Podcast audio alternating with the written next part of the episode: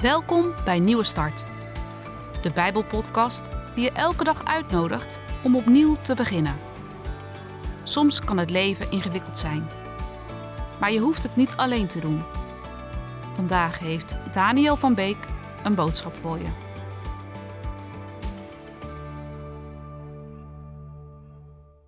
Heb jij je wel eens afgevraagd wat er gebeurt als je bidt? Veel mensen bidden. Gelovige mensen, niet-gelovige mensen. Maar wat gebeurt er nou eigenlijk als we bidden? Wat gebeurt er bij jou?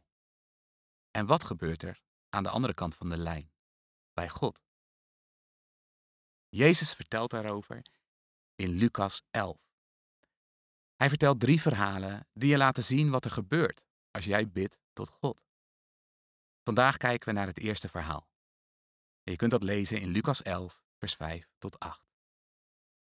Jezus zei tegen hen: Stel dat iemand van u een vriend heeft en midden in de nacht naar hem toe gaat en tegen hem zegt: Vriend, leen mij drie broden. Want mijn vriend is van een reis bij mij gekomen en ik heb niks om hem voor te zetten.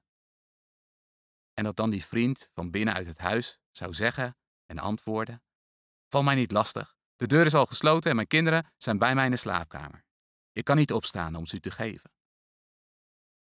Ik zeg u, al zou hij al niet opstaan en ze hem geven omdat hij een vriend is, dan zou hij toch om zijn onbeschaamdheid opstaan en hem er zoveel geven als hij nodig heeft.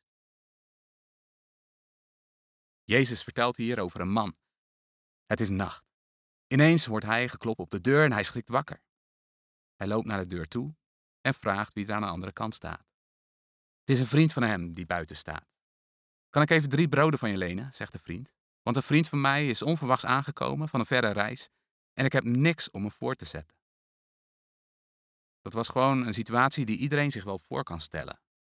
Vergelijkbaar met als de buurman aanbelt of iemand om je heen vraagt of je even een potje zout kan uitlenen, omdat hij aan het koken is en zijn gezin trek heeft en de zout thuis op is. Tuurlijk mag hij hem lenen.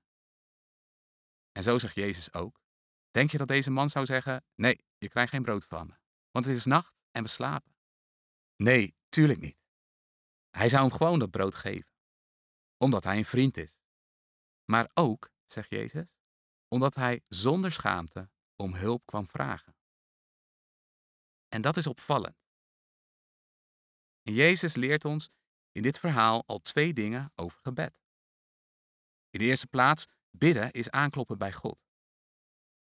Als jij bidt, dan klop je bij God op de deur en hij hoort je. Als ik bid, probeer ik me dat ook zo voor te stellen. Ik zit niet zomaar wat woorden het heelal in te schieten.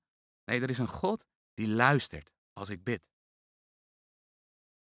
En het tweede wat Jezus ons leert over bidden is, als je bidt, dan mag dat zonder schaamte, twijfel of voorzichtigheid. De vriend vroeg het onbeschaamd, zegt Jezus. En waarom? Omdat hij bij een vriend aanklopt. Hij weet, bij mijn vriend kan ik altijd terecht. En zo mag jij ook bidden, aankloppen bij God, onbeschaamd, zonder schaamte. Als je bidt, dan hoef je niet te denken, God, als u er eventueel bent, of ja, u zult wel druk zijn, maar als u wat tijd kunt maken. Nee, God is een vriend. Hij is zelfs een vader, zoals Jezus zegt en ons leert bidden, onze vader. En hij is een vader die graag voor jou zorgt. Daarom mag je onbeschaamd, zonder schaamte of twijfel bidden. Een van de leerlingen van Jezus, Johannes, schreef het later zo op. Je kunt dat vinden in 1 Johannes 5, vers 14 en 15. Wij kunnen ons vol vertrouwen tot God wenden, in de zekerheid dat Hij naar ons luistert als we Hem iets vragen dat in overeenstemming is met Zijn wil. En omdat we weten dat Hij naar ons luistert, wat we Hem ook vragen, weten, weten we ook dat we alles al hebben gekregen wat we Hem gevraagd hebben. Zullen we dat samen doen? Samen aankloppen, bidden naar God. Vader, dank u wel. Dank u wel dat we U Vader mogen noemen. Dank u dat we bij U aan mogen kloppen, dag en nacht. En dat U naar ons luistert. In Jezus' naam.